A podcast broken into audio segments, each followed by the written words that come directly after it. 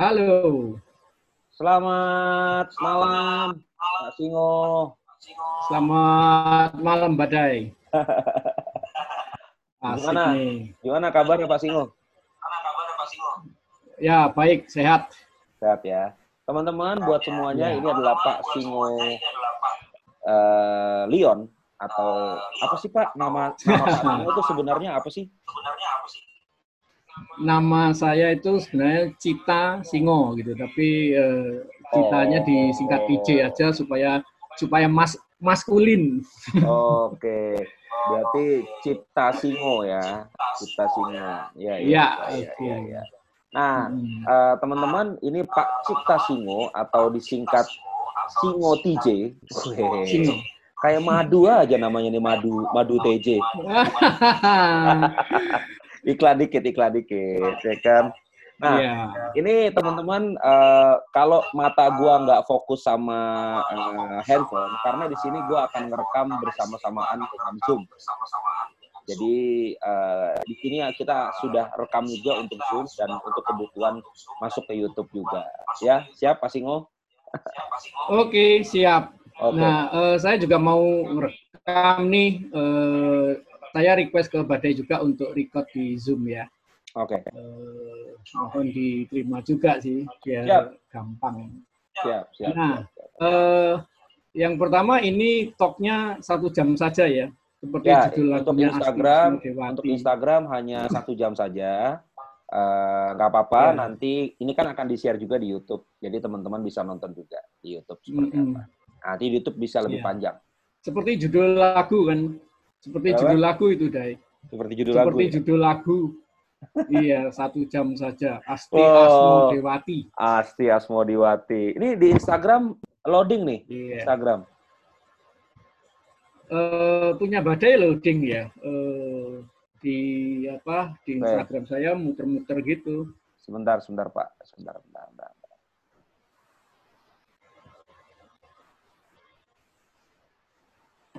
Oke, kita Oke, lanjut nggak? aja. Oke ya. Ya, sip. Ya. Aman? Eh, aman, aman. Oke. Pak Singo, Iya. saya mau tanya, Mm-mm. Pak Singo kira-kira memutuskan untuk suka sama musik itu dimulai dari kapan? Kalau suka secara eh, umum itu kecil itu saya sudah mendengarkan Cica, Adi gitu ya. Oke. Eh, lalu beranjak SMP, SMA. Nah, mulai SMA itu sudah beli kaset. Eh, waktu itu ya yang yang dibeli awalnya justru lagu-lagu barat sebenarnya ya. Karena kalau anak SMA itu kan maunya dengerin lagu barat gitu. Nah, itu beli tapi tetap saya simpen ya. Eh, SMA lalu eh, kuliah juga ya. Nah, em, waktu kuliah itu sudah mulai suka lagu-lagu Indonesia, artinya sudah mulai beli gitu ya. Di Hmm. uh, Krisye, Vina, Krakatau, eh, Karimata itu saya pasti beli, sudah nggak usah milih. Karena mereka keluarin album, saya pasti beli.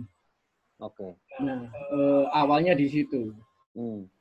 Berarti uh, Terus ke hmm, berarti ke kegemaran Pak Singo untuk mendengarkan album-album kayak tadi Pak Singo bilang ada Karimata, kemudian ada uh, Cica Kuswoyo, lalu ada apa lagi Pak tadi Uh, uh, Adi Bing Slamet ya kan, Adi Bing Slamet, Uh, Iya. terus hmm, ada apa namanya uh, apa lagi selain itu Pak?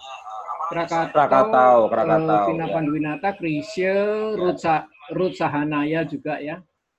Itu Pak Singo Itu uh, pasti usia beli berapa? gitu. Usia berapa pada saat itu? Eh, kalau yang apa Vina, Krisye dan sebagainya itu ya sekitaran eh, 15, 16 itu sudah mulai beli. Tapi sebenarnya yang Cica itu dulu sempat beli tapi ya, tidak terkumpul. Um, ngumpulin lagi itu aktif itu mulai 2007 sekitar 2000 2006 2007 ya. Jadi Oke. ketika saya memutuskan menjadi kolektor itu ya sekitaran 2006 2007. Oke. Eh, Pak uh, lucu sih sebenarnya. Hmm.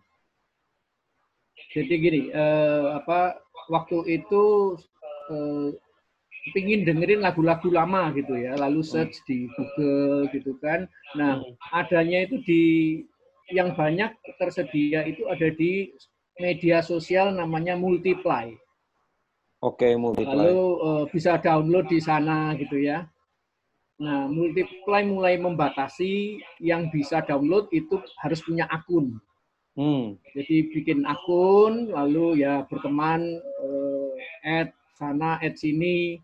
Lalu saya tanya mereka, kok kalian bisa punya MP3 lagu-lagu lama sih? Nah itu, oh ini kita kan uh, namanya ngerip ya, dari kaset jadikan yeah. MP3 Lalu sumbernya dari mana gitu? Sumbernya ya berburu. Nah, berburu itu ya ke pasar-pasar loak gitu kan. Awalnya saya cuma membantu teman-teman yang yang pingin dapat. Tapi lama-lama saya berpikir, loh, saya kan juga punya akses untuk bisa memiliki ini. Akhirnya saya putuskan, ya udah deh, saya juga ikut koleksi gitu. Nah, itu sekitaran 2007, 2000, 2006, 2007 ya. Nah, lalu 2008 itu pertama ketemu Chris Pati di Jogja waktu eh, event Soundernalin. Nah, Oke. Okay. Kita ketemu di, di situ. Prambanan ya Pak, kalau nggak salah ya? Iya, waktu itu di Prambanan kita ketemunya di hotel kan. Saya memang apa eh, nungguin di hotel. Mantap. Nah, Pak, yang saya mau tanya gini, uh, Pak Singo pada saat pertama kali mengkoleksi album, itu inget nggak umur berapa? Kalau mulai KIP itu ya SMA itu sudah mulai KIP sebenarnya. SMA. Jadi SMA. dari Jember itu saya pindah ke Jogja itu kasetnya saya bawa gitu. Oke. Okay, Oke. Okay. Gitu kan ya. Oke. Okay. Nah, okay. Terus uh, kuliah itu kaset beli, tetap saya keep. Ketika saya sudah mulai kerja, tetap itu masih ada juga akhirnya ya ya sampai sekarang gitu. Okay. Jadi yang sekarang itu ada yang memang sudah awal saya beli ketika saya SMA, ada juga yang saya mulai aktif kembali itu yang 2006 2007 itu. Oke. Okay. Sensasi apa sih yang mendorong Pak Singo untuk mengkoleksi uh, kaset-kaset ya? Karena jarang loh orang yang mau mengkoleksi barang-barang seperti ini kan. Uh, even itu adalah seorang musisi, dia agak kurang mungkin agak kurang tertarik untuk telaten gitu ya mengumpulkan apalagi merawatnya ya kan karena kan kalau kita punya kaset saya aja punya kaset lumayan banyak dari sejak saya SMP saya ngumpulin itu aja banyak yang udah berjamur banyak yang kitanya udah nggak beres dan playernya juga sekarang sulit dicari ada tapi jarang Pak Simo. Nah sebenarnya sensasi ya. apa sih yang yang mendorong Pak Singo untuk segitu telatennya mengkoleksi hal-hal itu gitu barang-barang itu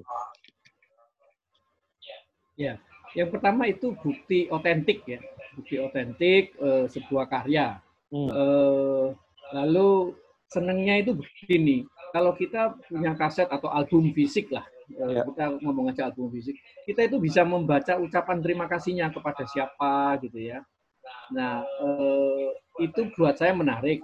Lalu kadang-kadang ada selipan cerita dan sebagainya. Nah, itu yang menarik sebenarnya. Karena kalau kita cuma dengerin MP3 ya, lalu nggak ini ya udahlah kita akrab dengan lagu itu selesai gitu kan bahkan kadang nggak nggak tahu siapa penciptanya kalau hmm. kita punya kaset vis, eh, apa rilisan fisik itu kita bisa baca penciptanya siapa Itulah yang hmm. membuat saya juga bisa mengagumi seorang pencipta lagu, misalnya Wike Gur itu ya. Wike okay. itu kan tidak menyanyi, lagu ciptaannya itu kan maut gitu kan. Nah itu saya kagum dengan dia bisa menciptakan lagu seperti itu. Dan bisa saya dijelaskan, sangat bisa dijelaskan ke teman-teman Pak bahwa uh, Wike Gur itu adalah siapa? Ya, jadi Wike Gur itu pencipta lagu atau lebih tepatnya itu lirikus jadi dia yang biasa membuat liriknya. Nah, dia banyak menciptakan lagu eh, berpasangan dengan almarhum Elvasi Surya. Ya. Lagu-lagunya banyak dinyanyikan oleh eh, Harvey Maleholo, Elva Singers, eh, lalu ada Shakila juga ya. Nah, itu dia di tahun 80-an eh, cukup bagus karena waktu itu kan ada event festival lagu populer Indonesia. Jadi yeah. dia beberapa tahun itu lagunya selalu masuk final. Okay. Dan lagunya selalu bagus itu. Okay. Okay. itulah uh, saya selalu menghargai seorang pencipta ya. Nah, buat saya pencipta itu penting. Dan kelemahan uh, di Indonesia itu kaset yang lama-lama yang terbitnya tahun 70-an itu kadang tidak tertulis penciptanya siapa.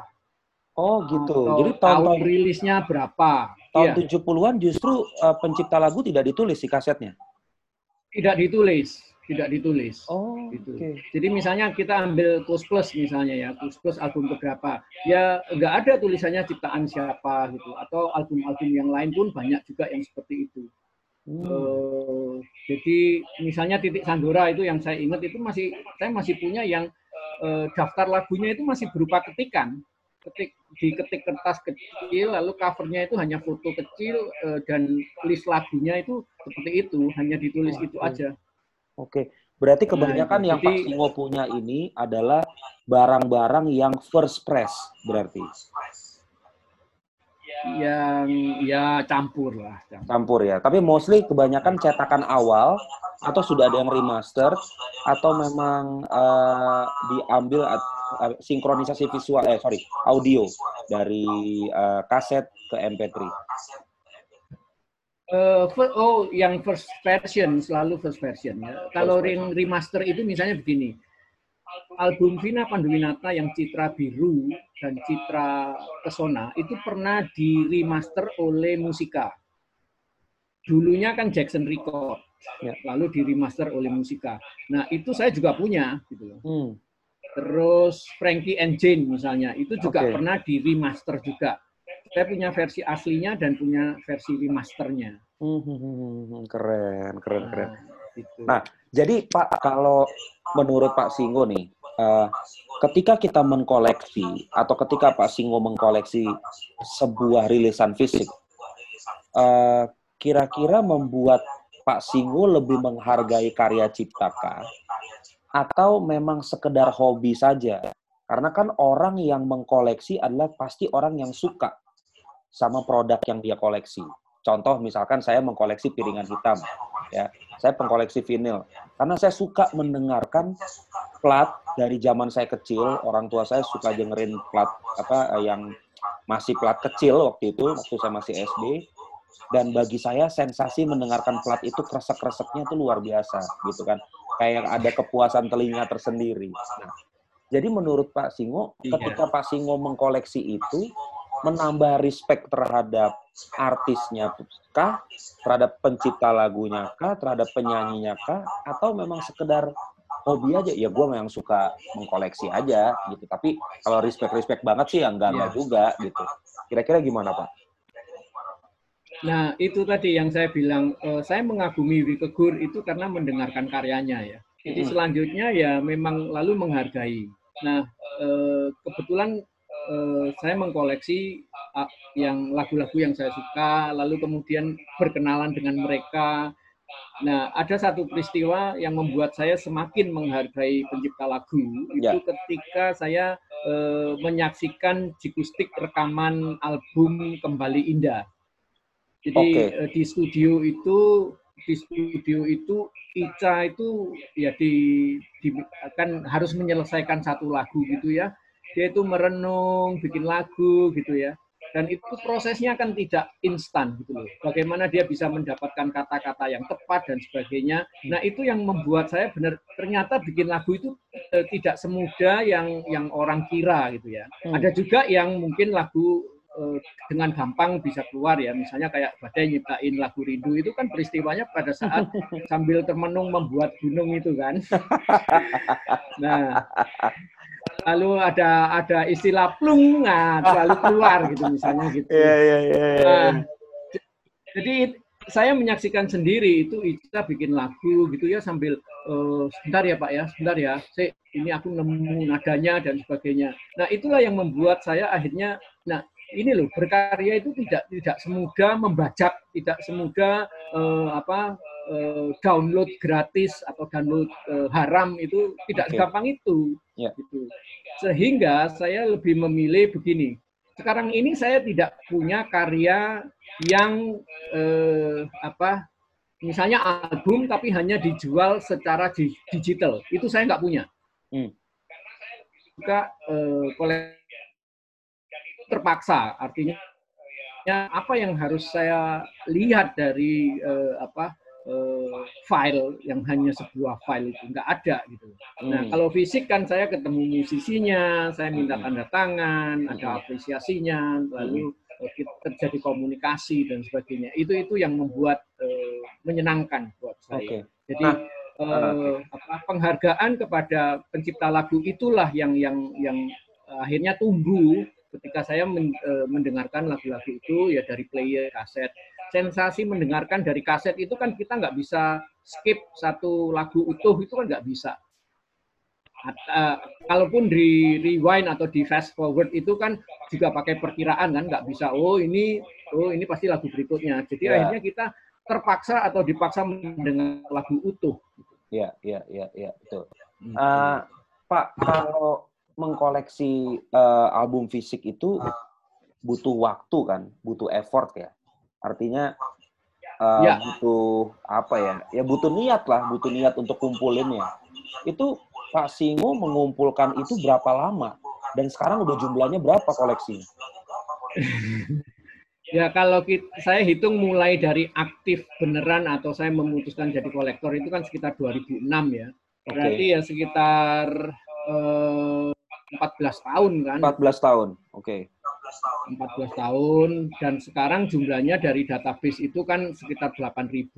Ini aja minggu lalu kita ketemu eh, saya kan sempat bilang sama Badai ya kira-kira 8.000 dan sekarang saya lagi inventarisasi. Belum selesai ini seminggu. 8.000. Oh, iya.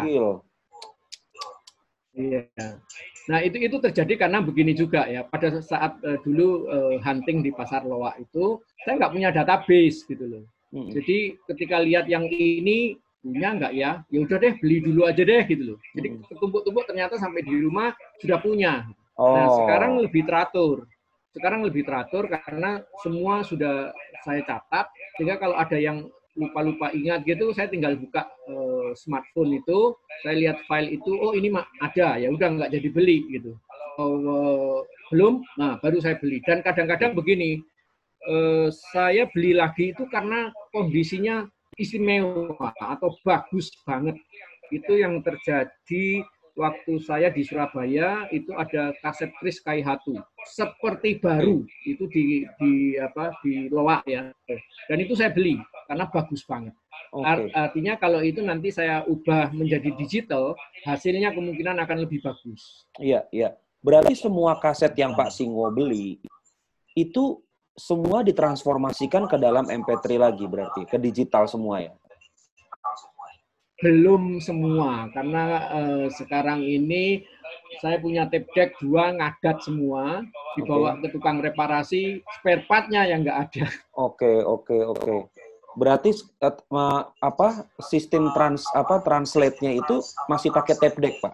Masih pakai Ya, tape deck itu kita masukkan ke komputer. Di komputer itu ada sound card ya. Jadi okay. dari apa jack RCA itu di convert menjadi jack stereo masuk lalu dengan uh, satu software itu dia merekam real time baru setelah itu dipotong-potong Oh, Tapi okay. itu tanpa tanpa campuran macam-macam ya. Saya nggak punya peralatan yang canggih karena hmm. uh, buat saya itu adalah mendokumentasi suatu saat ingin mendengarkan itu tinggal uh, putar di uh, komputer gitu. Oke. Okay. Nah, nah ini seru nih. Artinya kan anak-anak sekarang kan tidak merasakan bagaimana uh, sensasi mengkoleksi rilisan fisik. Karena kan anak-anak sekarang kan taunya digital semua. Masuk mobil, pulang iya. sekolah, kamar, mau rebahan, semua udah sifatnya digital. Semua udah connect ke Joox, Spotify, iTunes, dan lain-lain. Nah, jadi teman-teman di sini boleh, boleh merasakan dan boleh belajar juga bahwa untuk mengkoleksi sebuah album itu diperlukan effort. Pertama effort, niat. Yang kedua pasti duitnya nggak nggak murah udah pasti nih duitnya nggak murah. Karena beli satu kaset aja, pengalaman saya nih, yang ada di beberapa tukang-tukang uh, kaset-kaset jadul di daerah Blok M gitu ya. Itu yang kondisi bagus itu aja dia masih jual ada yang 15 ribuan. 15 ribu sampai 20 ribuan. Iya, betul. Gitu. Nah, itu iya. aja ya. kalau misalkan kita dapat barang yang bagus satu hari itu kita dapat 10 biji doang, eh 10 biji aja. Itu kalau satu biji udah 20 ribu itu udah berapa? Ya kan keluarnya satu hari gitu. Kalau kita seminggu terus-terusan nyari ya. berapa? Nah itu perlu ya perlu effort dari keuangan juga. Tapi sebenarnya yang saya suka adalah gini ya. Pak, Pak Singo ini kan melengkapi database. Metadata itu sekarang yang sering kali menjadi permasalahan dari creator. Karena mereka nggak punya metadata terhadap karya-karyanya. Sehingga ketika ada masalah dengan karyanya, ya. mereka nggak tahu bagaimana cara mempertanggungjawabkan secara objektif metadatanya.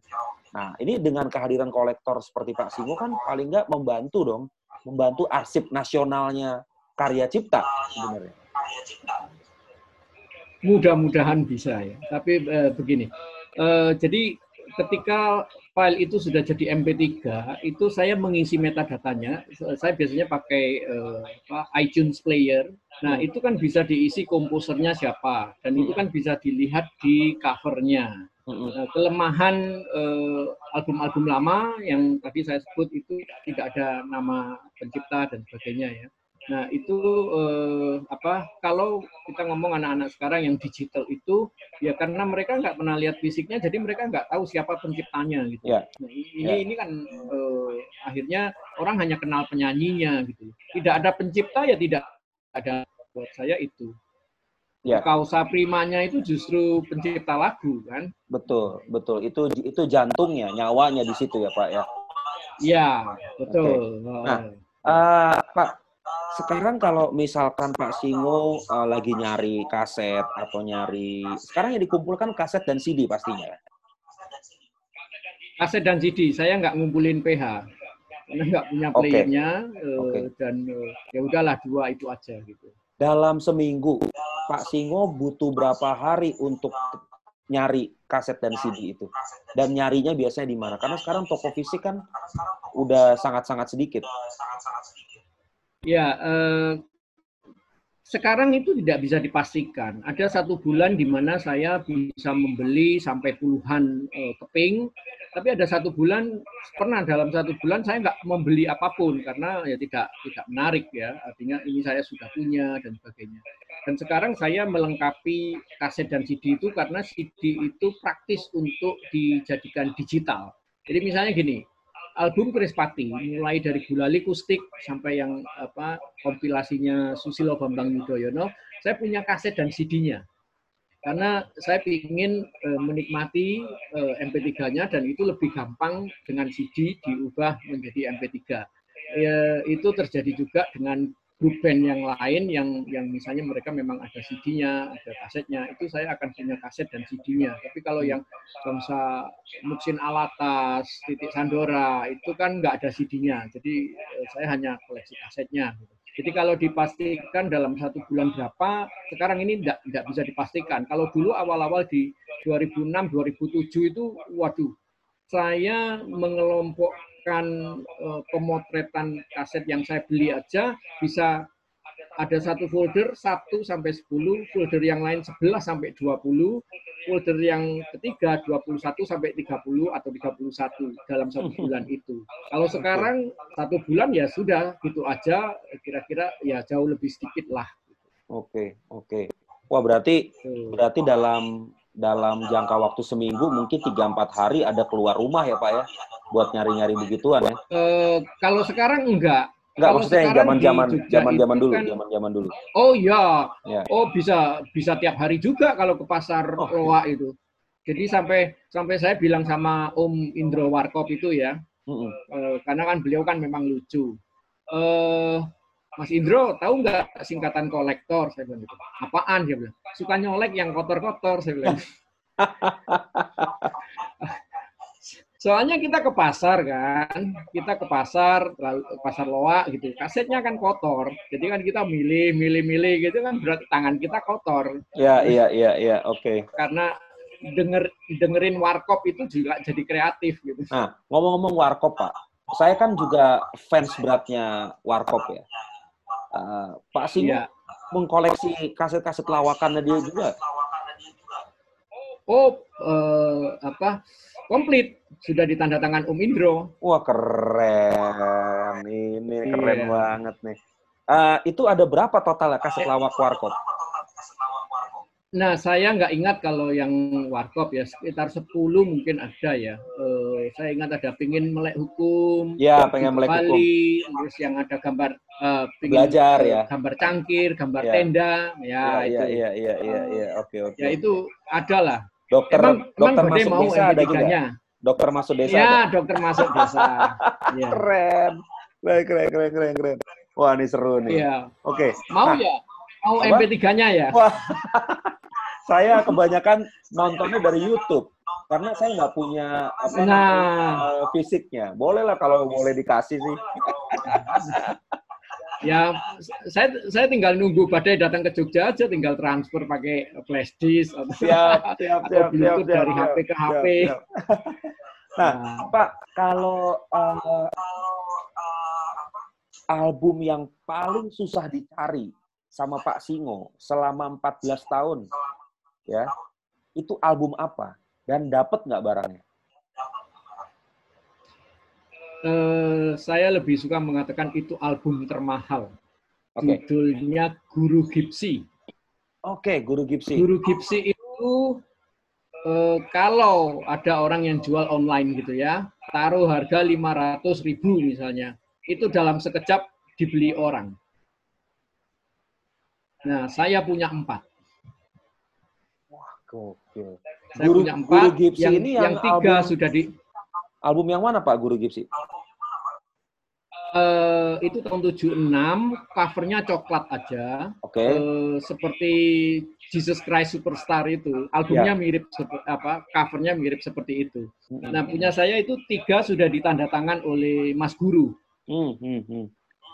Yang satu itu saya dapat kemudian setelah ketemu Mas Guru, lalu saya dapat eh, satu lagi itu kiriman dari Mbak Widya Kristanti yang pemain oh. apa eh, keyboard itu ya. ya Karena ya, dia ya, begini, ya. Singo, Singo kamu mau nggak kaset-kaset saya? Oh mau saya bilang gitu. Nah itu dikirim ke saya dan salah satunya ada Guru Gipsy. Oke. Okay. Itu. Oke, okay, oke. Okay, dan itu memang kaset mahal karena menurut cerita itu hanya dirilis sebanyak 5.000 keping saja. Hmm. Nah, sekarang di pasaran itu bisa eh, seharga 700 bahkan satu juta pun eh, masih ada yang beli. Ya, ada masih ada yang beli. Almarhum Glenn pernah tanya pada saya, Mas Ingo punya eh, guru gipsi enggak? Punya, tapi enggak saya jual. ya pokoknya saya sayang-sayang lah. Nah, karena itu saya kelompokkan begini, saya masukkan satu ke koleksi Guru Soekarno Putra, saya masukkan satu ke koleksi uh, Krisye. Karena kan Krisye ya, juga terlibat di situ ya, kan. Betul, nah, betul, betul, betul, betul. Nah, itu. Pak, kalau itu. kalau sesama kolektor uh, pernah pernah ketemu nggak sesama kolektor? Oh sering. Dulu sering. dulu awalnya kan saya bantu teman-teman mencarikan apa yang mereka mau gitu ya. Hmm. Nah, terus kita kasih dan itu tanpa profit ya, artinya hmm. karena komunitas teman gitu. Nah, suatu saat saya minta tolong mereka, uh, saya belum punya ini nih gitu. Terus nah mereka juga ngasih gitu. Nah, uh, sempat juga gini, 2007 atau 2008 ya, saya ke Jakarta ketemu teman-teman komunitas itu ada satu teman yang punya albumnya Ruth Sahanaya Pop Amboina namanya. Oh, Pop Amboina, nah, ya. Nah, itu. Nah, saya kepingin banget itu, dan dia kepingin uh, albumnya Andi Mari Matalata. Oke. Okay. Uh, ada beberapa album lah, lima atau berapa. Saya bilang sama dia, tukeran. Saya dapat satu nggak apa-apa, kamu dapat lima nggak apa-apa. Tidak ada nilai uang. Pokoknya itu lebih ke ya apa eh, sesama teman lah. Gitu. Oke, okay, oke. Okay. Berarti kan uh, sebenarnya antar kolektor itu juga sebenarnya bisa saling bantu ya, saling membantu iya. memperlengkapi ya, koleksinya masing-masing. Ya, ya, ya. ya. Nah, dari apa yang Pak Singo kumpulin selama ini, ada yang pernah dilepas gak dengan harga tinggi? Oh, ada. Ada. Ada ya? Jadi uh, saya pernah ketemu salah satu musisi, gitu ya, nggak, saya nggak mau sebut namanya. Gitu. Hmm. Sebut Jadi saja Mawar saya... ya, sebut saja Mawar. Jangan, cow ah, cowok. Oh, oke oke oke. Nah, uh, dia bilang, Mas Iko bawa kaset apa? Gitu. Saya tunjukin kaset uh, istrinya. Zaman istrinya belum terkenal. Dan dia langsung bilang, Siapa ini ya? buat saya. Kata. Nanti aja kalau offline baru saya ceritain. nah, eh, saya bilang, oh jangan, gitu. karena ini kaset langka, nggak bisa, dia bilang gitu. Lalu dia ngeluarin uang yang yang cukup menggoda, gitu. Eh, ya udahlah, gitu loh. Nah, akhirnya itu kaset jadi sangat mahal. Buat dia itu eh, prinsipnya begini, daripada saya pusing nyari sendiri nggak dapet, ya sudahlah. Eh, toh uang yang saya berikan ke Mas Singo itu ya mungkin buat dia kecil ya. Nah, tapi buat saya besar gitu. Nah, ya ini kan namanya mutualisme kan dia mutualisme. tidak berhitung seperti itu dan saya juga tidak menyebutkan angka. Jadi dia kasih begitu saja. Ada ada beberapa kok uh, yang pernah seperti itu karena dia tidak menyimpan ya, terutama yang uh, album awal itu. Nah, itu itu pernah terjadi seperti itu. Oke. Nah, terus ketika itu dibayar meskipun dengan uang yang besar, ada rasa penyesalan nggak dari Pak Singo? Aduh, harusnya gue apa namanya nahan-nahan nih karena susah banget dapatnya. Abis itu bisa dapat lagi nggak albumnya? Enggak lah, saya kan jual mahal, jual mahal juga. Sebenarnya saya punya juga, gitu. Oh. Kalau saya tidak akan jual, prinsipnya. Oke. Okay. Oke, oke, oke, oke, oke, keren, keren, keren. Nah, semua arsip itu, yang fisik-fisiknya itu ya, kalau kalau database secara digital kan pasti di laptop, di smartphone kayak gitu, gitu kan. Nah, itu ada perawatan tersendiri nggak untuk menyimpan barang-barang tua seperti itu? Uh, tidak ada, saya biarkan aja. Tapi sekali-sekali, misalnya seperti ini, saya bilang saya lagi inventaris nih Nah itu saya lihat satu persatu gitu ya. Kalau keluar jamurnya, itu hmm. saya keluarin, sekrupnya saya buka, lalu saya eh, apa jamurnya saya ilangin pakai alkohol, tunggu wow. kering dulu. Ya perawatannya seperti itu. Satu kaset bisa ngerjain berapa lama untuk ngilangin jamurnya, Pak? Uh, ya nggak mesti. Kadang-kadang kan juga sekrupnya kecil dan rusak. Nah itu repot lagi. Okay. Jadi uh, nggak nggak bisa dipastikan ya yang pasti ya mungkin 10 menitan lah gitu hmm, hmm. artinya nah, itu yang parah ya kalau hmm. kalau nggak parah-parah banget saya nggak akan buka sih oke okay. oke okay. berarti banyak yang kondisinya memang sudah mengenaskan terus kondisi ya, yang betul. yang yang yang yang ba, apa yang apa uh, ya lumayan baik ada yang min condition juga berarti iya ada karena pernah di Surabaya itu saya dapat dari penjual itu dalam kondisi seal Oh, masih segel ya berarti ya?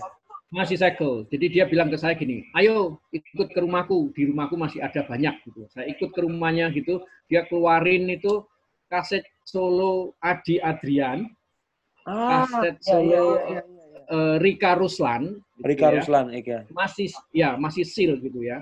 Lalu saya tanya, saya telepon ke Adi Adrian, di lu mau nggak kaset lu yang album solo? Emang ada sih nggak? ada ini seal saya bilang gitu. Mau dong. Saya beli semua. Saya beli semua. Lalu saya telepon juga Rika Ruslan saya bilang Mbak Rika ini ada kaset Rika Ruslan kondisinya masih seal. Mau nggak? Mau masih nggak ya udah saya ambil gitu. Nah itu seal gitu ya. Okay. uh, beberapa kali saya dapat seperti itu.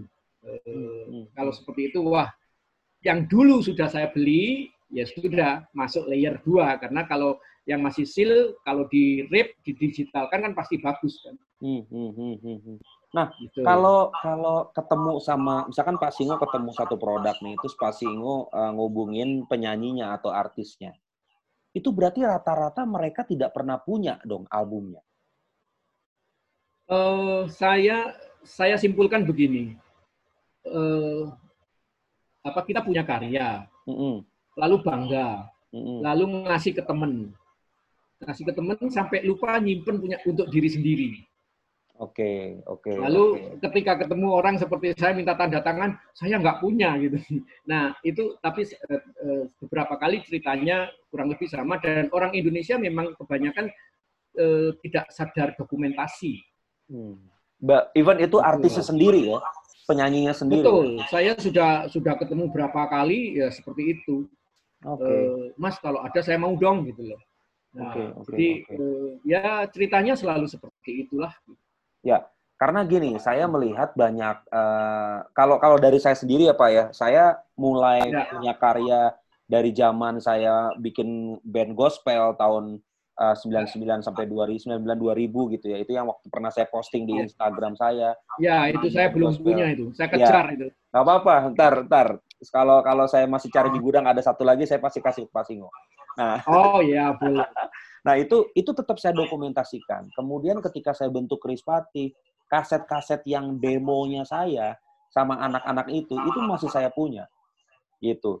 Nah itu perlu, itu ya. perlu. Demonya kemudian album pertama sampai terakhir saya masih di sana itu semua saya lengkap. CD dari album solo saya, album Krispati, The Best of segala macam saya ada.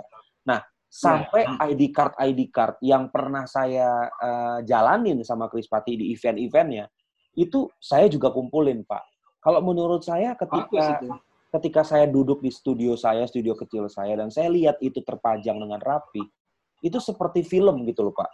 Seperti film yang yang terputar di otak saya, oh gue pernah ke sini, gue pernah main di sana, gue pernah begini, gue pernah begitu, gue pernah dapat ini, dapat Ya. itu. Kayak kayak sebuah memori yang diputar eh, oleh sebuah player apa ya, eh, apa player kehidupan gitu loh pak. Kalau kalau kalau saya Ya, nggak ya. gitu. Nah, Pak Singo eh, pernah merasakan seperti itu nggak? Artinya gini, ketika Pak Singo ngumpulin kaset, ngumpulin CD, pernah selalu balik ke memori-memori dulu nggak? Artinya, oh denger lagu ini gue lagi begini, denger lagu itu gue pas lagi deketin istri gue, atau gue lagi begini-gini segala macam. Itu kira-kira seperti gitu juga nggak sih Pak sensasinya? Ya iya, jadi Gitu eh, gini dengerin lagu ini, wah ini waktu saya menyatakan suka sama cewek tapi ditolak itu lagunya ini. Apa tuh lagunya apa tuh kalau boleh tahu? Ah rahasia dong. Iya. Nah itu. oke, oke, oke, oke. Eh, kalau kalau sama yang istri ini Mm-mm. itu saya pernah nonton eh, Dewa tahun 95 di Jogja itu Oke, waktu itu lag- album terbaik terbaik oh, terbaik terbaik ya. Jadi album terbaik-terbaik itu selain memang isinya terbaik, itu juga kenangannya juga terbaik. Wah keren. Memang album itu menurut saya secara musikalitas revolusioner sekali sih album Dewa itu yang terbaik Ya, terbaik. betul. Betul ya. Dan Betul. sebenarnya revolusioner soundnya mereka sudah terjadi se- semenjak format masa depan tahun 94 gitu. Betul, itu sebenarnya sudah. Eh, Hanya Ya. memang karena attachment-nya ke terbaik-terbaik itulah. Betul. Kalau betul. saya ngakuin lagu-lagunya semua bagus ya dari semua apa eh, album-album mereka. Bintang 5 misalnya itu nggak nggak ada satu lagu yang jelek itu. ya, semua ya, lagu bagus. sangat sangat keren. Gitu. Pak Singo Ya. melihat keadaan sekarang, kondisi digitalisasi yang sedang global seperti ini. Kira-kira eh, apa sih bedanya ketika kita mendengarkan digital sama mendengarkan album fisik? Ini secara sound ya, itu bedanya apa? Terus yang kedua, menurut Pak Singo, efek dari digitalisasi ini bagus nggak untuk untuk apa namanya vitamin musik Indonesia? Nah, eh, yang pertama begini, kalau dengerin kaset itu masih ada apa basah-basahnya gitu ya. Kalau. CD atau yang digital itu eh, kering, Oke, dengerin Ya. ya. Itu Ya, kan ada ya. kresek-kreseknya tuh. betul. Eh, ya memang itu itu apa yang itu sebuah teknologi zaman dulu yang juga harus dihargai. Buat saya sebenarnya itu jadi eh, apa ya mungkin saya lebih menikmati yang kaset itu ya karena Hmm. itu kita sekali lagi kita itu dipaksa untuk dengerin satu lagu utuh. Kalau nggak suka kalau CD atau player apa di- digital kan tinggal skip gitu aja sudah selesai kan. Kalau yang dulu kan sayang karena itu bisa merusak kaset dan juga merusak eh, playernya. Hmm. Nah, terus yang kedua tadi pertanyaannya itu tentang apakah ini akan baik ke masa depan gitu ya. Nah, eh, jadi gini, eh, seorang musisi lalu eh, berapa tahun yang akan datang dia menjadi kakek atau nenek gitu. Lalu dia menceritakan pada eh, pada cucunya kakekmu ini dulu penyanyi loh. Nah, buktinya apa? Nah buktinya fisik itu. Kalau eh, digital lewat jokes lewat eh, apa yang lain gitu ya lalu dia bilang kakek ini dulu penyanyi. Nah, buktinya berubah hmm. Hmm, hmm. Nah itu jadi bukti otentik itu perlu lebih untuk ke masa depan kalau buat saya. Bukan kita kuno, tapi justru pikirkanlah ke masa depan itu eh, ini sebagai sebuah bukti nyata bahwa ini ada karya. Kalau buat saya itu. Gitu. Oke, berarti lebih ke bukti otentik aja ya. Artinya kita ya, punya betul. satu satu metadata yang resmi yang bisa kita ceritakan. Makanya gini, kalau kalau aku berpikir gini Pak, uh, warisan itu semacam warisan aja. Artinya ketika kita punya album uh, fisik kita yang masih kita dokumentasikan dengan baik, itu seperti hmm. menjadi warisan aja buat anak cucu kita. Warisan kan bukan berarti ya, harus uang, tapi juga oh, bisa tidak. bisa berarti satu apa uh, dokumentasi uh, arsip yang benar-benar berguna ya, betul. bagi apa namanya ya. bagi uh, anak cucu kita. Nah kemarin Pak, yeah. saya baru dapat PM dari salah satu anak uh, seniman di Kalimantan Timur. Ini sangat miris sekali bahwa uh, si bapaknya ini ini meninggal tahun 2010. Ya. Dan album-album bapaknya itu udah banyak banget dan itu hanya beredar di Kalimantan Timur saja gitu. Nah, setelah bapaknya meninggal, ternyata album tersebut itu dipergunakan lagi oleh pihak-pihak yang tidak bertanggung jawab tanpa izin dari ahli warisnya. Nah, menurut Pak Singo sebagai kolektor album fisik, rilisan fisik, mengenaskan apa enggak kejadian seperti itu? Uh, itu banget ya, karena gini loh, uh, sekali lagi saya bilang bikin karya itu kan tidak segampang mendengarkan. Ya. Jadi memang harus menghargai penciptanya. Oke. Okay. Jadi kalau uh, ada hak ekonomi dan sebagainya ya ya harus diberikan gitu ya. Hanya uh, saya itu memberi edukasi pada pada eh, banyak orang tentang hak cipta dan sebagainya itu adalah satu hal yang saya sangat setuju hmm. e, karena itu ya memang e, mengedukasi itu kan resikonya gini guru berdiri di depan kelas. Ya. dari 40 siswa tidak semuanya suka. Oke. Okay. gitu saya pernah jadi guru itu, itu ada juga uh, itu di kursus ya isinya cuma 18 orang. Dan uh, hampir semua suka tapi ada satu yang nggak suka. Jadi kalau saya minta dia melakukan aktivitas itu waduh wajahnya cemberut. Nah itu kan nggak bisa dilawan kan gitu yeah, yeah. dan itu ya harus dibiarkan nah, nah jadi uh, apa apa yang dilakukan oleh badai itu uh, saya yakin ya pasti butuh proses dan itu uh, saya senang ya Betul. Terutama waktu uh, intok dengan Pongki itu kan Pongki bisa memberikan apa uh, analogi yang yang sangat sederhana yang bagus itu itu itu saya suka. Dan uh, senengnya jadi kolektor seperti saya buat saya ya ketemu musisi lalu kenal gitu itu uh, nama saya itu masuk di uh, ucapan terima kasih di ya, beberapa ya ya, ya, ya. Termasuk uh, Chris Pati ya. ya Chris ya, itu ya. beberapa beberapa kali gitu ya. Bahkan album 8 Chris Pati itu kalau ada yang punya fisiknya, baca pengantarnya, ya. nah itu tulisan saya kan. Iya, betul nah, sekali. Nah, itu itu kebahagiaan. Itu itu kebahagiaan. Namanya kebahagiaan ya.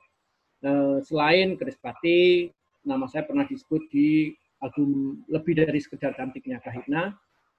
Terus albumnya uh, Anton Isudibyo mm -hmm. yang tribute to Anton itu dia juga menyebutkan nama saya. Ya itu kebanggaan lah. Artinya ya, ya. itu uh, apa buat saya menyenangkan gitu ya. Oke. Okay. Ya kebanggaan lah gitu. Betul, betul sekali Pak. Jadi saya saya tuh melihat Pak Singo sangat konsisten di bidang ini.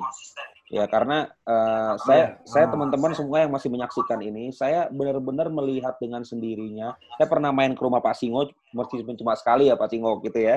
Ya betul. Ya. Jadi saya melihat benar-benar orang ini konsisten dengan koleksinya, dengan ketelatenannya dia minta tanda tangan atau ketemu sama penyanyi dan artisnya, bandnya. Saya sering ketemu di backstage ketika Chris Patih main atau manggung di Jogja ataupun saya lihat postingan-postingan Pak Singo ini benar-benar telaten. Itu sebenarnya Pak Singo tahu penyanyinya itu manggung di mana di Jogja meskipun gitu ya, manggungnya di mana bisa ketemu, bisa dapat aksesnya itu kira-kira apa yang dilakukan oleh Pak Singo? Uh, ya yang pertama lihat publikasi ya. Hmm. Lihat publikasi lalu uh, saya mencoba menghubungi secara pribadi, bisa lewat manajer, uh, bisa lewat teman yang kenal misalnya. Dan saya mengatakan bahwa saya ini uh, punya album-album uh, kalian dan saya mau minta tanda tangan. Dan kalau berkenan ya ya saya minta tanda tangan. Akhirnya ada yang nolak nggak pak? Ada yang sempat nolak nggak? Uh, ada yang begini kok banyak sih gitu tapi nadanya agak agak nggak suka ya itu ada Gitu. Oh, okay. Ada juga yang tidak peduli. Kita punya koleksi, lalu ada teman yang yang kenal dengan musisi itu, lalu dia menyampaikan bahwa saya ingin ketemu, itu nggak peduli, nggak mau. Nggak digubris, nggak digubris ya? Nggak digubris gitu ya. Ya, ya sudah gitu. Ya, eh, itu itu haknya dia juga gitu. Nah, tapi eh, kebahagiaannya adalah ya ketika kita diterima, lalu terus eh, welcome banget diajak misalnya, yuk nanti nonton aja dan sebagainya ya udah itu itu eh, kebahagiaan yang lain. Oke. Berarti masih ada ya orang yang merasa bahwa gua gua sih nggak tahu ya mungkin itu itu terserah mereka ya Pak ya. Oh iya ya itu itu masing-masing orang. Cuma kalau bagi hmm. saya, kalau bagi saya ketika ada orang datang membawa hasil kerja keras kita yang didokumentasikannya di koleksi itu kalau hmm. saya terharu banget tuh ngelihatnya gitu. Karena uh, apa ya ya kita sendiri aja nggak kepikiran untuk mengkoleksikan itu ya. gitu tapi orang lain yang mendengarkan mungkin bagi kita biasa aja tapi bagi mereka sesuatu yang luar biasa gitu loh. Jadi ya, betul. uh, gimana? Menurut Pak Sil gimana? Kalau masih ada orang yang seperti ya. itu menurut Pak Sil seperti apa? Ya ya nggak kita nggak bisa apa-apa ya. Artinya itu itu sudah masing-masing pribadi gitu hmm. Eh, lalu akhirnya kalau buat saya ya tidak terjadi komunikasi lagi oke okay tapi kalau yang masih ya eh, apa bisa berhubungan dan sebagainya, ya itu menyenangkan. Dan gini, kalau orang senang atau bahagia, maka yang ada adalah yang baik. Ya, kalau orang nggak suka atau nggak bahagia dengan hubungan itu, ya bisa jelek-jelekin, bisa juga cuek. Oke, okay, oke. Okay, Artinya okay. ya ya kalau saya sih nggak nggak ngurus ya gitu. Tapi ya. kalau masih dihargai dan sebagainya, ya kita bisa menghargai. Eh, saya bisa menulis uh, tentang Krispati, tentang Kahitna, tentang Cikustik dan sebagainya itu ya karena uh, punya hubungan yang sangat baik ya. Jadi kalau uh, apa misalnya nulis di blog itu ya, itu keluar dengan lancar. Oke. Okay. Ya karena perasaannya senang. Iya. Karena tahu dengan baik historinya, iya kan Pak ya? Iya betul. Tahu dengan baik. Ya. Jadi kalau dituruh tulis atau disuruh ngomongin atau mungkin disuruh menggambarkan, yang dia suka ya pasti lancar gitu kan karena dia tahu kayak sama ya, halnya betul. dengan saya yang sangat-sangat mencintai musiknya Club Project gitu kan. Jadi saya benar-benar ya. jadi klanis itu sejak saya SD kelas 6 ketika saya SMP saya mencoba untuk telepon Mas Adi Adrian, Mas Mas Adi Adrian waktu saat itu dengan menyamar sebagai yeah. temannya Mas Katon pada saat itu. dari dari mencari mencari tahu nggak dari mana Pak? Nyarinya itu dari thanks to-nya mereka. Jadi oh ya, ya, ya. kayak misalkan keluarganya Adi Adrian tuh namanya siapa? Itu saya cari di di, di Yellow Page zaman itu. Dan oh, akhirnya ya. dapat nomornya, saya telepon ke rumahnya, berhasil diangkat dan saya menyamar sebagai temannya Mas Katon gitu. Memang ya memang seneng banget kan? Seneng banget. Saya bisa ngobrol sama Adi Adrian aja udah pengen kencing celana pada saat itu, Pak. Saking iya saking saking dan saya tahu saya tahu apa album favoritnya itu kan pasir putih kan album favoritnya badai kan pasir putih ah, muternya pakai Walkman Sony kan benar, benar, benar, benar. Itu ya. akhirnya yang membuat Lalu, saya lancar menyatakan cinta kepada ya. pacar saya. Ya, kejadiannya di Boro, kejadiannya di Borobudur dan itu terulang tahun 2017 manggung di Borobudur. Iya, betul sekali. Betul sekali keren-keren. Nah, jadi saking mengkoleksi juga mengkoleksi informasinya juga pastinya kan. Ya, pasti. pasti. Jadi nah, apa ya, antusiasmenya itu tumbuh Betul. Nah, Pak Singo, selain kaset Indonesia, kaset luar negeri, kaset musik-musik barat, Pak Singo koleksi juga nggak? Ada. Jadi Ada. Eh, tapi tidak banyak ya. Karena dulu SMA awalnya dengerinnya lagu-lagu barat gitu. Misalnya Air Supply gitu. Air Supply saya punya dan ditanda tangan ya. Oh, itu gitu. eh, ya yang Graham ya, yang yang pendek itu namanya siapa? Uh, Russell, sorry, Russell, Russell Hitchcock, Russell Hitchcock. Ya. Pertemuan eh, waktu awal saya minta tanda tangan itu dia nggak mau tanda tangan semua, hanya mau tanda tangan lima. Tapi yang Graham itu mau tanda tangan semua. Nah pertemuan berikutnya saya minta tanda tangan lagi dari okay. yang dulu belum ditanda tangan, terus saya mintakan lagi komplit selesai dah. Oke. Okay. Nah okay. terus uh, Kenny G saya punya tapi yang ditandatangan cuma satu waktu itu saya. Yang yang mana? Dia, Kenny G, Pak? Bilang, Albumnya yang mana yang terdapat? Uh, yang live, yang live. Uh, oh, live Kenny G ya, live, oke. Okay. Biru. Yang warna ya, biru. Ya, itu ya, aja. Ya. Karena dia bilang saya hanya mau tanda tangan satu, kamu pilih aja. Ya udah, yang live itu. Karena itu berkesan. Oke. Okay. Berkesan okay. pendekatan, zaman pendekatan. Oke. Okay. Oh, zaman pendekatan, mantap. nah, Pak, selain kaset, CD, apalagi yang Pak Singo koleksi? Tulisan. Jadi tulisan eh, artinya saya minta pada Day tulis dong di sini tentang eh, aktivitas eh, koleksi saya dan sebagainya. Itu saya kumpulin kan, eh, oh, okay. Glenn, Badai, lalu eh, banyaklah eh, ya Club Project ada, Jikustik ada, uh, kahitna juga ada gitu ya. Uh, jadi saya minta mereka menuliskan tentang uh, apa pendapat mereka tentang saya tentang kegiatan saya itu. Nah, itu oh, kan berarti uh, berarti tulisan yang uh, berdasarkan testimoni ya, testimoni dari ya, mereka betul, tentang pekerjaan Pak Simo. Ya. Oke. Okay. Ya. Buku buku dikoleksi juga nggak buku?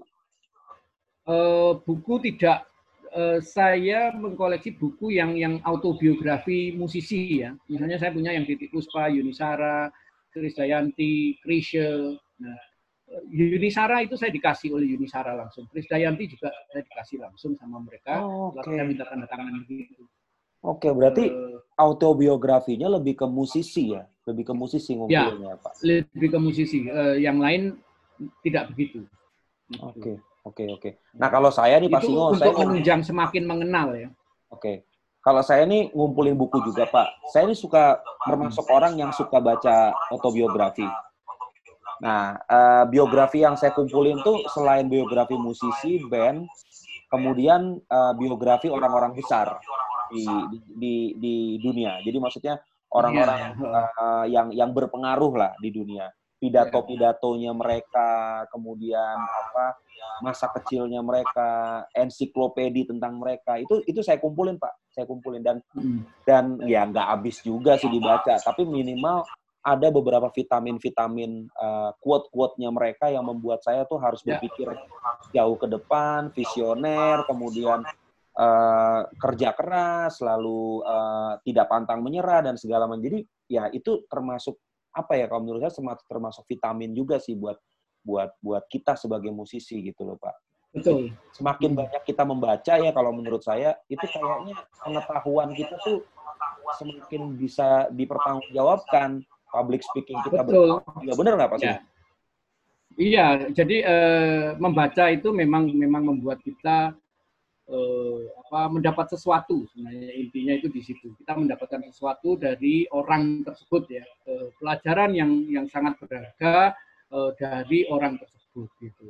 Ya, nah, ya, ya. pada ini saya mau ngingetin kayaknya waktunya sudah hampir habis nih. Ini tinggal dua menit uh, lagi, tinggal dua menit lagi. Oh, nah, mau dilanjutkan lagi. atau di stop? Gak apa-apa Pak, kita lanjutin aja. Nanti kita habisin dari sini, kita lanjutin di Zoom aja. Nah, jadi Oh ya. uh, jadi Pak Singo, oke, okay, tinggal sisa dua menit lagi kita ngobrol. Kira-kira Pak Singo ada ada ada message nggak untuk generasi ini? Artinya generasi ini supaya tidak melupakan sejarah, generasinya juga respect to the others, respect to creator. Itu kira-kira Pak Singo ya. ada saran? Ya bebas, Pak Singo mau ngomong apa? Ya. Uh, ya artinya gini, mengkoleksi barang fisik itu kita ikut menjaga sejarah, kita hmm. ikut menjaga sejarah dan bukti otentik. Dan kelemahan orang Indonesia adalah uh, tidak mendokumentasi. Makanya ya. kan uh, musisi yang lama itu kan kerepotan mencari karyanya sendiri kan. Nah kita bantu sebenarnya. Kita tugas kita adalah membantu supaya ya apa karya-karya orang Indonesia itu tidak hilang gitu loh. Dengan mengoleksi fisik itu uh, kita melakukan sesuatu. Jadi mungkin aduh nggak praktis dan sebagainya. Iya, saya tahu mungkin tidak praktis, tapi ada sesuatu di balik itu. Siapa tahu suatu saat Anda akan dicari orang karena Anda yang masih punya bukti otentik. Kita nggak pernah tahu tentang hidup kita yang yang berikutnya kan. Nah, ya. tapi kalau misalnya lalu kita menjadi orang yang, yang dicari, yang apa, artinya kita bisa memberikan kontribusi, itu adalah kebahagiaan kan. Oke. Okay. kita nggak bicara uangnya ya, tapi kita bicara sesuatu yang yang psikologis gitu. Nah, jadi pesan saya ya, ya bantulah Indonesia dengan cara uh, ikut menyimpan sejarah, ikut menjadi saksi sejarah. Ya. Siap. Terima kasih Dalam Pak Sino. Ya. Terima kasih Pak ya. Singo buat kesediaan waktunya, buat teman-teman yang sudah standby selama ini untuk mendengarkan kita. Sampai ketemu lagi, terus semangat, stay safe, stay healthy. Thank you Pak. Ya, terima kasih. Ayo. yuk.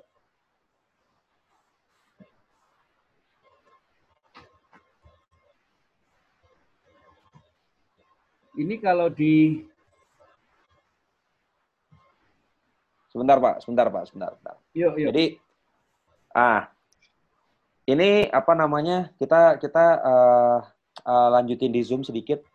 Jadi, nggak apa-apa. Uh, ini menarik Pak bahwa uh, apa pendokumentasian ini penting banget. Ini semoga informasi ini ngobrolan kita ini menjadi satu uh, booster untuk generasi ini supaya lebih menghargai aja karya cipta orang lain gitu. Karena satu ya kita untuk mendokumentasikan ya. juga sulit yang kedua untuk bikin dokumentasinya juga perlu effort bikin karya ciptanya juga perlu perenungan dan lain-lain gitu kan dan dan krisis moral terhadap penghargaan pencipta lagu di Indonesia ini ini menurut saya udah pandemik moral gitu loh pandemik darurat moral pandemik pandemik ya, udah udah apa ya eh, udah udah merebak terutama di di di di ekosistem musik Indonesia. Saya nggak tahu ya di dunia barat seperti apa.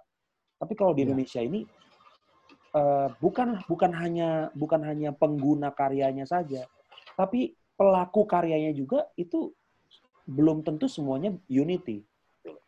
Belum tentu semuanya. Oh iya, mereka karena ya itu tadi setiap orang kan masing-masing punya apa punya kepentingan sendiri-sendiri ya. Yes. Eh, Nah ini sebelum saya lupa yang tadi cerita itu itu si Ahmad Dhani. Oh. Ahmad Dhani saya tunjuk tunjukin kaset Mulan waktu namanya masih Wulan. Gitu kan. Oh oke okay, nah, oke. Okay. Ini ini nggak apa-apa nih masuk ke YouTube. eh masuk ya ntar diedit ya. nggak nggak apa-apa santai aja kali. Ini kan namanya ya, juga nyantai-nyantai aja gitu kan. Nah, Pak, oke. Okay. Ya. Ini uh, recordnya akan gua tutup dulu. Nanti kita akan sambung lagi di Zoom. -hmm. Intinya adalah pembicaraan kita sejauh ini tentang sensasi histori dan koleksi.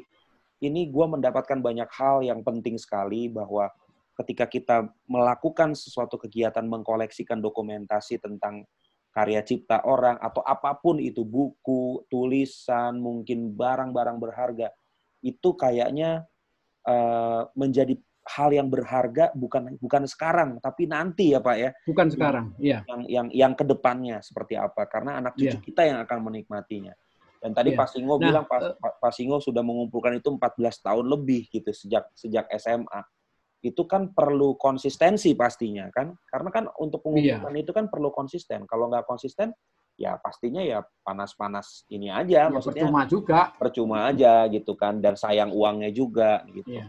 Nah jadi Betul. eh, untuk terakhir nih Pak Singo yang mau disampaikan nih untuk para kolektor. Nah itu tadi kan untuk para generasi. Sekarang untuk para kolektor. Ya. Ini kira-kira apa nih yang mau disampaikan? Ya, untuk para kolektor ya sebenarnya kita ini eh, punya visi yang sama, mengumpulkan atau ya mengumpulkan bukti-bukti sejarah. sebenarnya. Kita ini eh, punya eh, apa? eh, kita ini sedang membantu eh, para musisi untuk mengumpulkan bukti-bukti sejarah. Jadi jangan putus asa. Eh, tapi ada juga kan kolektor ada juga kolektol. Kolektol itu kolek terus didol, dijual maksud. Nah, itu juga ada itu. Ya, Tapi itu itu eh, ya sudahlah eh, setiap orang punya hak untuk memilih ya. Yes, betul. Nah, tapi yang yang kolektor ya sudahlah kita harus bangga juga. Nah, eh, gini, soal tanda tangan itu gini. Saya menyaksikan orang misalnya ya ketemu badai, Pak Badai, eh, saya minta tanda tangan dong dan itu tanda tangannya kan di atas kertas atau buku. Mm-mm. Dan itu kan bisa hilang. Ya, Itu bisa hilang kan? ya, Nah. sangat. Ya, Kalau di di karya misalnya kayak eh, kaset, buku dan sebagainya, itu kan kita simpan. betul. kita coba simpan dan sebagainya. Sehingga suatu saat nanti itu eh, membuka memori, oh ya ini saya dulu ketemu badai di sini. Ya. Lalu saya minta tanda tangan. Atau cerita waktu ngejar badai sampai ke belakang panggung dan sebagainya. Hmm. Itu kalau beberapa tahun berikutnya, itu menjadi cerita yang menyenangkan. Hmm, hmm, hmm, hmm, Nah, itu. hmm, hmm, hmm, hmm, Nah.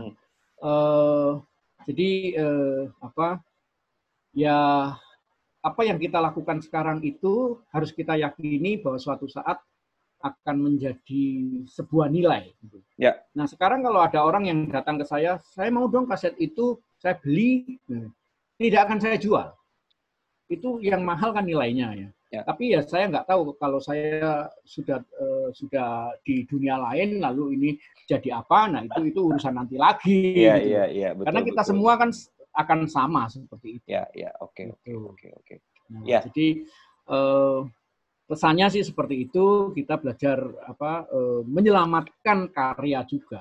Karena Ya. kejadian yang eh, lagu Indonesia diaku oleh negara lain misalnya itu itu Ya, kan karena nggak ra- ada bukti. rasa sayangi ya segala ya macam itu, itu. ya. Bahkan batik juga pernah hampir diakui Nah, juga, itu.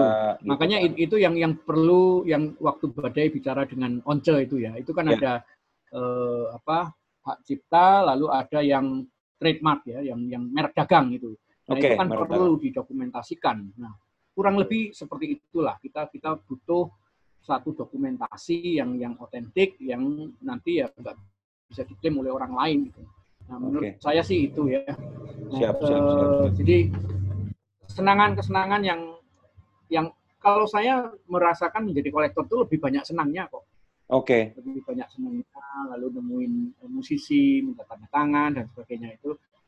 Dari sekian musisi yang masih ingat saya ya pasti ada, yang tidak ingat pun juga ada gitu. Tapi ya itu balik lagi ke orangnya. Nggak masalah buat saya karena kan ya mereka juga ketemu ribuan orang, tidak Betul. bisa selalu apa ingat siapa bertemu siapa. betul. Nah itu itu yang yang buat saya eh, kegiatan mengoleksi itu menyenangkan. Ya, Ya. ya, ya, ya, ya. Betul. Oke, Pak Singo, terima kasih banyak untuk Ya. kesediaannya. Ini Thank seru you. banget, obrolannya seru banget dan eh, teman-teman eh, pemirsa Piano Man Stories Channel, eh, mudah-mudahan informasi yang disampaikan oleh Pak Cipta Singo ini adalah seorang koleksi oleh kolektor eh, musik rilisan fisik eh, Indonesia ataupun luar negeri Mm. ini menjadi satu vitamin baru untuk menggugah teman-teman di generasi sekarang untuk bisa lebih Ya. menghargai karya cipta di bangsa kita sendiri. Mas Singo, ini ini banyak. vitamin ya. Sebentar Vitamin. sa- satu kata lagi. Ya. Ini vitamin yang tidak ada di apotek, jadi nggak perlu beli. Vitaminnya nggak perlu beli. Ya, ya, ya, betul banget, betul banget. Ini ini Ya. vitamin yang nggak perlu beli dan ya sebenarnya ini menjadi sesuatu yang ya dikasih cuma-cuma oleh Pak Singo seperti ini nih banyak loh uh, ilmu yang bisa kita kita kita serap gitu. Ya Pak, terima kasih banyak ya, itu Pak. Sharing. Terima kasih Betul. banyak, Day. Stay stay stay health ya, tetap di rumah dan Stay semuanya healthy, stay safe. diberkati. Siapa? Terima kasih Ya. banyak ya Pak. Oke. Ya, sip.